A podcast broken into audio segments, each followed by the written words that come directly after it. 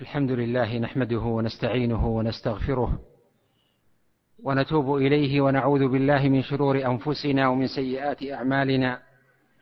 من يهده الله فلا مضل له ومن يضلل فلا هادي له. وأشهد أن لا إله إلا الله وحده لا شريك له. وأشهد أن محمدا عبده ورسوله. صلى الله عليه وعلى آله وأصحابه وسلم تسليما كثيرا. أما بعد فاتقوا الله عباد الله. اتقوا الله حقيقة التقوى. فحقيقة التقوى سلوك ومعاملة وخوف من الله ومراقبة. أيها المؤمنون والمؤمنات تؤكد الدراسات أن عدد الفتيات اللاتي تخطين سن الزواج قد بلغن أكثر من مليون ونصف مليون في عشر مدن فقط من بلادنا. هذا عدا ارتفاع معدلات الطلاق في المجتمع. وبشكل مزعج ومخيف. وفي المقابل هذه صرخات شباب من أبنائنا وفلذات أكبادنا واسمحوا لي بنقلها بالفاظها الدارجه على ألسنتهم. أحدهم يقول أقسم بالله العظيم في هذا الوقت الفضيل في ثلث هذا الفجر أني أفحط على الزواج وأريد إعفاف نفسي لكن المادة حالت بيني وبين شبابي. وعمري ست وعشرين سنة وأنا متأكد أني سأتجاوز الثلاثين وأنا عزوبي. والثاني يقول شروط الزواج وغلاء المهور في المرتبة الأولى للعنوسة. ويقول الثالث عندك وظيفة شوف المهر. وعندك مهر شوف الشروط. اتقوا الله يا مسلمين هذا سبب العنوسة وسبب حرمان الشباب من الزواج. ورابع يقول والله إني أرغب بالزواج لكن ما عندي وظيفة صار عمري خمس وعشرين وسيصل لأربعين والله يعين. وخامس يقول العيب في عقول الناس مع الأسف. كم بنت عانس أو مطلقة عندما تطرق بابها فتحت عليك وأهلها طلبات وفلسفة لا تنتهي. وسادس يقول يجب توعية الآباء لأنهم يبيعون بناتهم ولا ينظرون إلى الشرع فالجشع والطمع أعمى عيونهم. هذه من آهات وصرخات الشباب وغيرها كثير. ذكرتها من باب إيصال صوت الشباب عبر هذا المنبر.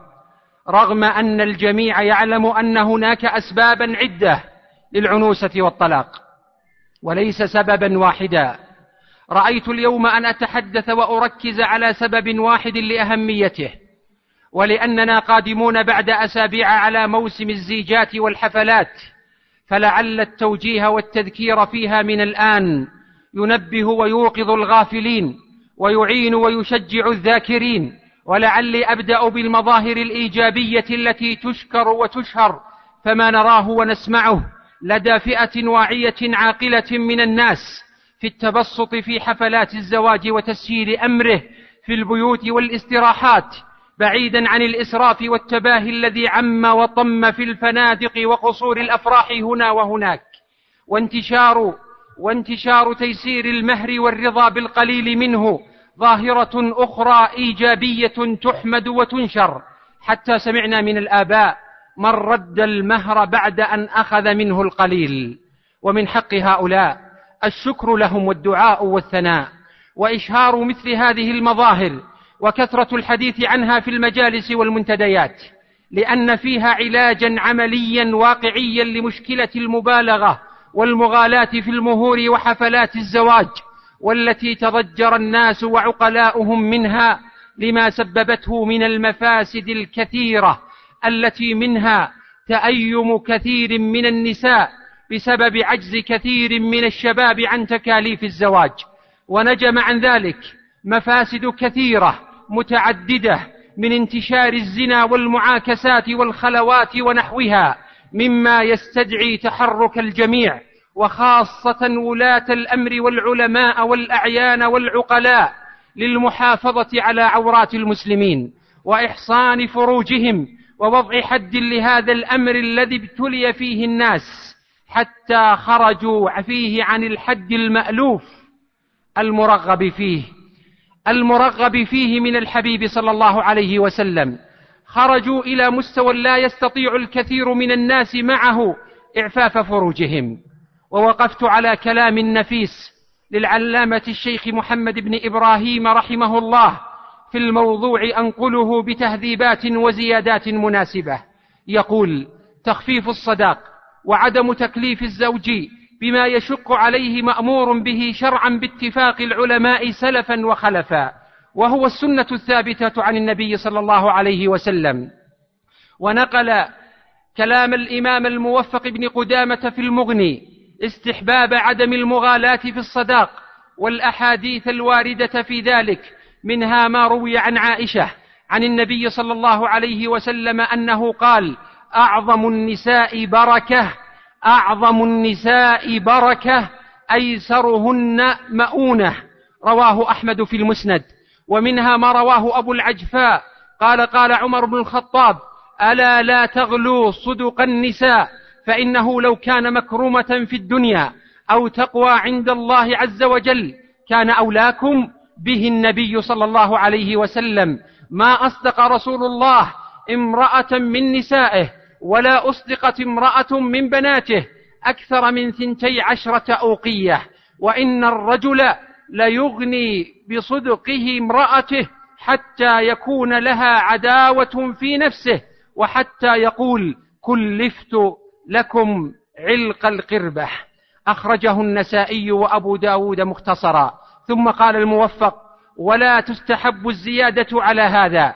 يعني صداق النبي صلى الله عليه وسلم لأنه إذا كثر ربما تعذر عليه فيتعرض للضرر في الدنيا والآخرة. انتهى كلام ابن قدامة. وعقد الإمام ابن القيم في كتابه زاد المعاد فصلا خاصا بقضائه صلى الله عليه وسلم في الصداق. قال فيه ثبت في الصحيح عند مسلم عن عائشة رضي الله عنها أنها قالت كان صداقه لأزواجه ثنتي عشرة أوقية ونشأ. قالت أتدري ما النش قلت لا قالت نصف أوقية فتلك خمسمائة درهم. وقال عمر بن الخطاب ما علمت رسول الله صلى الله عليه وسلم نكح شيئا من نسائه ولا أنكح شيئا من بناته على أكثر من ثنتي عشرة أوقية. قال الترمذي حديث حسن صحيح.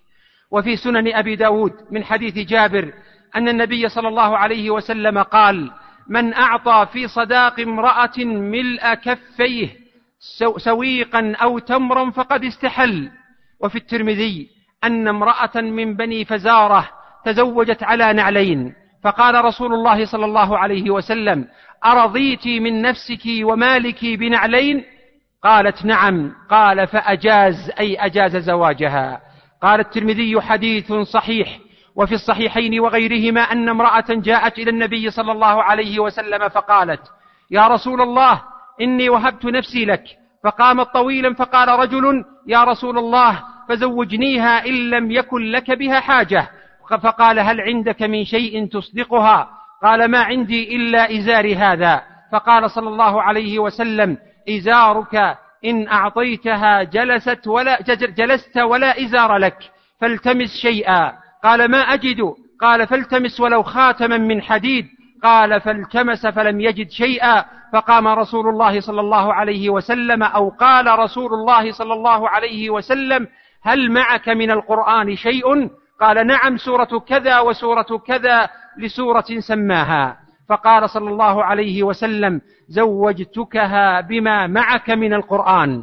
ثم قال ابن القيم فتضمنت هذه الأحاديث أن الصداقة لا يتقدر أقله وأن قبضة السويق وخاتم الحديد والنعلين يصح تسميتها مهرا وتحل به الزوجة. وتضمنت أن المغالاة في المهر مكروهة في النكاح وأنها من قلة بركته وعسره. إلى أن قال ومن ادعى في هذه الأحاديث التي ذكرناها اختصاصا بالنبي صلى الله عليه وسلم أو أنها منسوخة أو أن عمل أهل المدينة على خلافها فدعوى لا يقوم عليها دليل والأصل يردها وقد زوج سيد أهل المدينة من التابعين سعيد بن المسيب ابنته على درهمين ولم ينكر عليه أحد بل عد ذلك من مناقبه وفضائله. وقد تزوج عبد الرحمن بن عوف على صداق خمسة دراهم وأقره النبي صلى الله عليه وسلم. وقال النووي رحمه الله في شرح مسلم على حديث عائشة في صداق النبي استدل بهذا استدل بهذا الحديث على أنه يستحب كون الصداق خمسمائة درهم. انتهى كلامه. وخمسمائة درهم اثنتي عشرة أوقية ونصف لأن الأوقية أربعون درهما. والدرهم نصف مثقال وخمس مثقال فعشرة الدراهم سبعة مثاقيل وهي تساوي من الريالات العربية مئة وأربعين ريالا تقريبا. قال شيخ الإسلام ابن تيمية كما في الاختيارات كلام الإمام أحمد أن يكون الصداق أربعمائة درهم وهذا هو الصواب مع القدرة واليسار فيستحب بلوغه ولا يزاد عليه.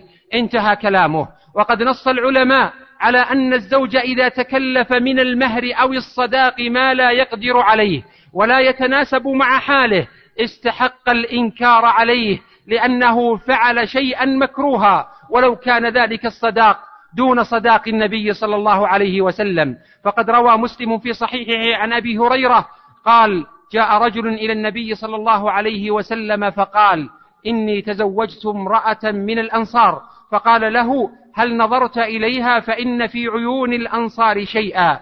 قال قد نظرت إليها. قال على كم تزوجتها؟ قال على أربع أواق. فقال له النبي صلى الله عليه وسلم متعجبا مستفهما على أربع أواق كأنما تنحتون الفضة من عرض هذا الجبل. ما عندنا ما نعطيك ولكن عسى أن نبعثك في بعث تصيب منه.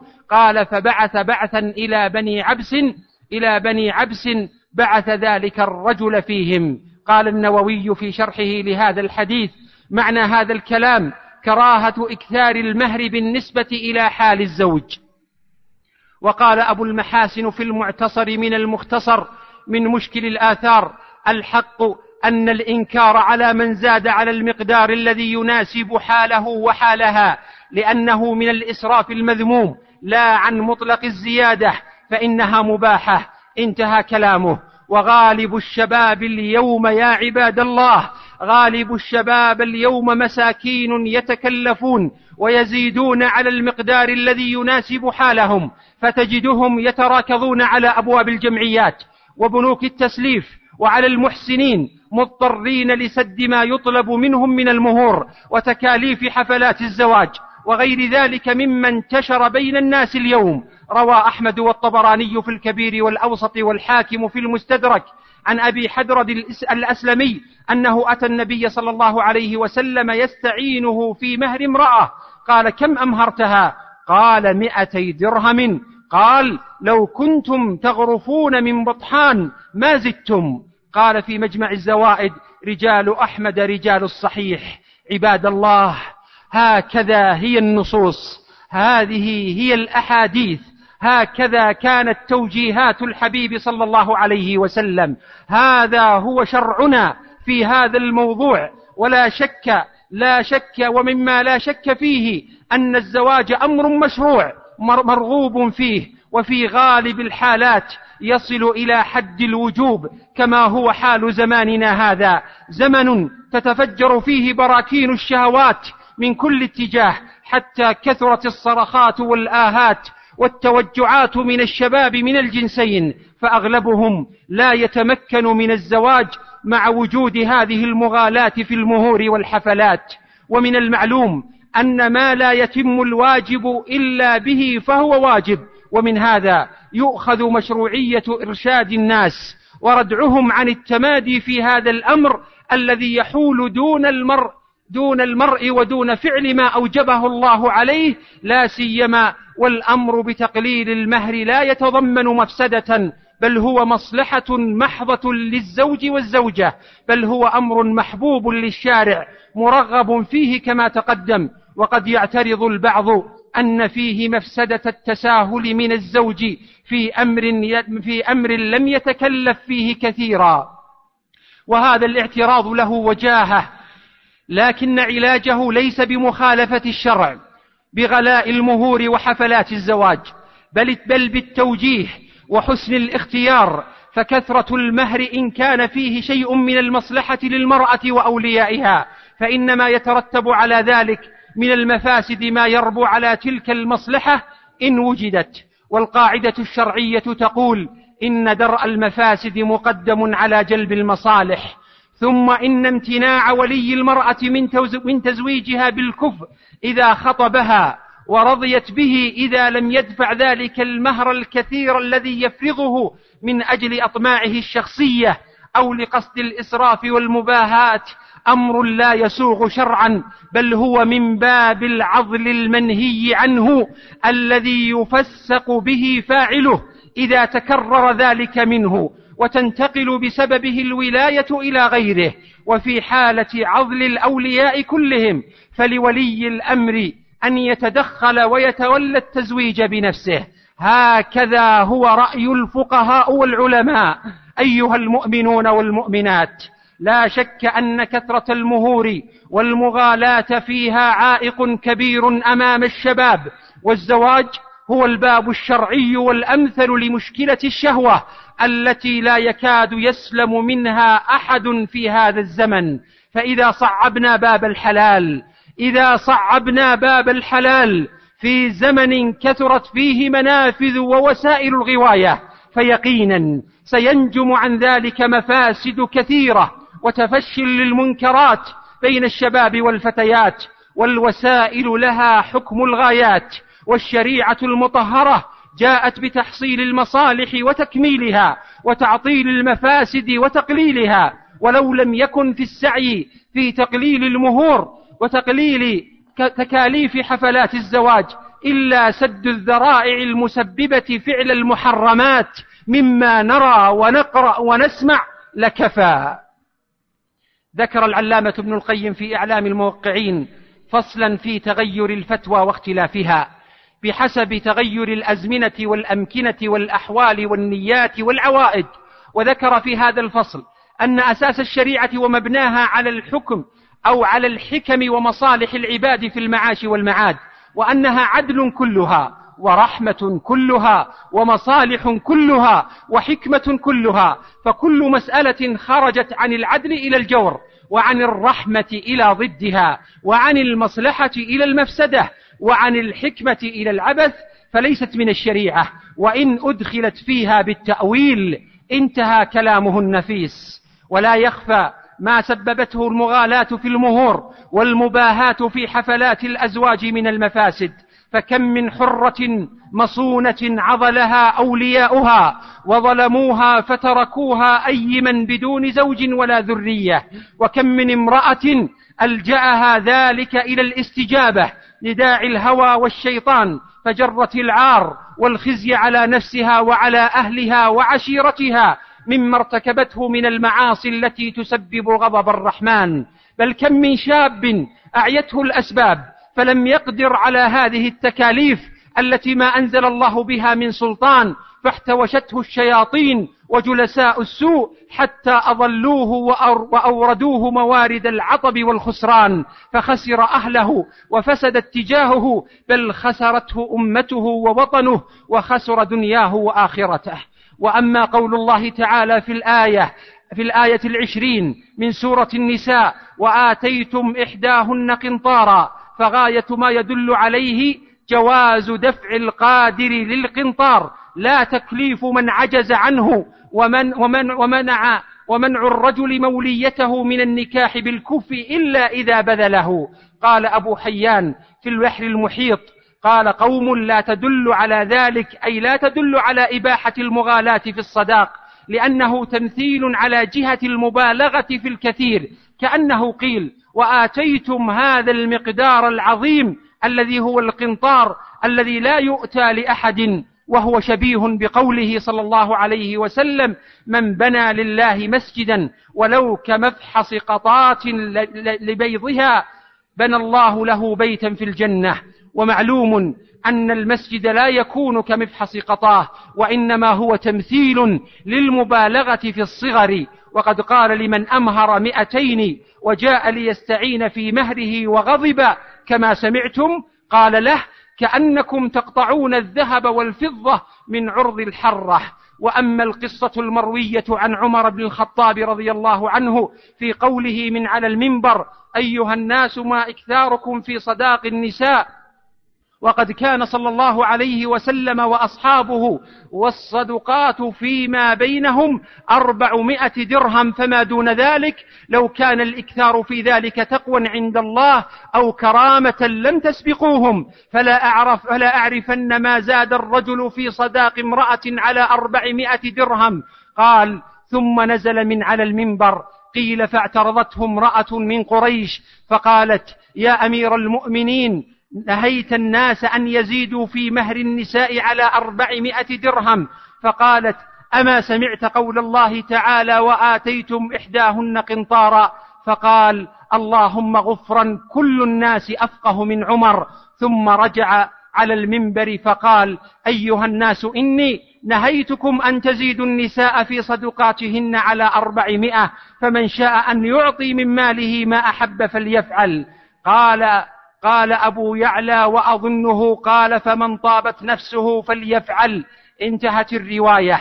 الجواب عن هذه الرواية أن زيادة اعتراض المرأة عليه لها طرق لا تخلو من مقال وعليه فهي لا تصلح للاحتجاج ولا لمعارضة تلك النصوص الكثيرة الثابتة المتقدم ذكرها لا سيما وأنه لم ينقل عن أحد من الصحابة مخالفة عمر أو الإنكار عليه غير ما جاء عن هذه المرأة في هذه الزيادة. وحينئذ فكلام عمر وهو المحدث الملهم إذا خلا من هذه الزيادة فموافق لتلك النصوص وملزم بالعمل بها. وقد قال صلى الله عليه وسلم فعليكم بسنتي وسنة الخلفاء المهديين الراشدين تمسكوا بها وعضوا عليها بالنواجذ. وقال اقتدوا بالذين من بعد أبي بكر وعمر فهيا معاشر المسلمين نقتدي هيا لنقتدي ونتناصح ونتعاون على فعل كل الأسباب التي من شأنها القضاء على الإسراف والبذخ والتطاول من تلك التكاليف التي كان لها السبب في المغالاة في المهور كالإسراف في الولائم والأثاث والملابس والكوافيرات والأغاني ونحوها. هيا لنكتفي بوليمة واحدة. فإننا نرى مع الأسف تعدد الولائم في مثل هذه السنين المتأخرة. كنا نأمل في الحلول وكنا نأمل في التقليل. فإذا بنا نفاجأ في التكثير والزيادة. فلنتعاون ولنتناصح ولنحرص على أن يبذل كل شخص منا ما استطاع في مثل هذه المسائل. لنكتفي بوليمة واحدة لا إسراف فيها سواء كانت عند الزوج أو عند أهل الزوجة حسب ما يحصل الاتفاق عليه مع أن أصل شرعيتها من جانب الزوج. يا أولياء الأمور يا أولياء الأمور اتقوا الله في أنفسكم وفي من ولاكم عليهن من البنات والأخوات وغيرهن وفي شباب المسلمين. ها, ها, ها قد سمعتم صرخاتهم ها قد سمعتم توجعاتهم. وكم من, وكم من شاب طرق, طرق الأبواب فرد لأسباب لا يمكن أبدا أن تكون مقبولة. سمعناها ووقفنا عليها. اسعوا جميعا لتحقيق البر في المجتمع. ودفع أسباب انتشار الفساد والجرائم فيه. ولا تجعلوا نعمة الله عليكم سلما إلى عصيانه. تذكروا دائما أنكم مسؤولون ومحاسبون على تصرفاتكم كما قال كما قال تعالى فوربك لنسألنهم أجمعين عما كانوا يعملون بادروا إلى تزويج بناتكم. بادروا إلى تزويج أبنائكم وبناتكم مقتدين بنبيكم وصحابته الكرام. والسائرين على هديهم وطريقهم. احرصوا على تزويج الأتقياء ذوي الأمانة والدين. اقتصدوا في تكاليف الزواج ووليمته. لا يهمنكم كلام المجتمع. لا تقولوا سيقال ويقال. إنما راقبوا ربكم. راقبوا ربكم. راقبوا ربكم وتولوا أمر إصلاح مجتمعكم بأنفسكم. هنا هنا يبارك الله لكم. يبارك الله لكم في أفراحكم ويؤلف بين قلوبكم ويخلف عليكم أموالكم. إذا علم ما في قلوبكم من التيسير والتسهيل واتباع شرعه بل, بل وربي ويوفق ويسعد أولادكم فإن أكثرهن وأعظمهن بركة أيسرهن مؤونة ومهرا كما قال عليه الصلاة والسلام. بارك الله لنا ولكم ولسائر المسلمين. أقول ما تسمعون وأستغفر الله لي ولكم ولسائر المسلمين من كل ذنب فاستغفروه إنه هو الغفور الرحيم. الحمد لله والصلاة والسلام على رسول الله وعلى آله وأصحابه ومن والاه. أما بعد يا أهل الزوجين أيها العروسان إن أردتم زواجا ناجحا وتوفيقا وجمعا بين القلبين فعليكما بما يرضي الله. فمن الذي فمن فمن الذي بيده التوفيق غير الله؟ من الذي بيده جمع القلوب؟ إنه الله. من القادر على التأليف بين النفوس؟ أليس الله؟ اذا فاحرصوا على فعل أسباب نجاح الزواج وتجنبوا كل ما يغضب الله من منكرات الأفراح التي كثرت وانتشرت اليوم بين الناس. أسأل الله أن يصلح أحوال المسلمين وأن يكفينا شر المبطلين والمفسدين. ونسأل الله أن يبارك لكل متزوجين وأن يجمع بين قلبيهما بخير. اللهم اجمع بين القلوب والنفسيات. برحمتك يا رب الأرض والسماوات. اللهم احفظ الإسلام والمسلمين. اللهم احفظ الإسلام والمسلمين. وعليك بأعداء الدين. وانصر عبادك الصالحين. اللهم وفق ولاة أمرنا لما فيه صلاح الإسلام والمسلمين. وفقهم لما تحبه وترضاه وارزقهم البطانة الصالحة الناصحة واجمع كلمتهم على التوحيد والقرآن. اللهم احفظ بلادنا. اللهم احفظ أمننا اللهم احفظ أمننا في بلادنا وسائر بلاد المسلمين اللهم احفظها بالأمن والإيمان واشف مرضى المسلمين واقض الدين عن المدينين وفرج هم المهمومين برحمتك يا أرحم الراحمين وصل اللهم وسلم وبارك على نبينا محمد وعلى آله وصحبه الطيبين الطاهرين والحمد لله رب العالمين.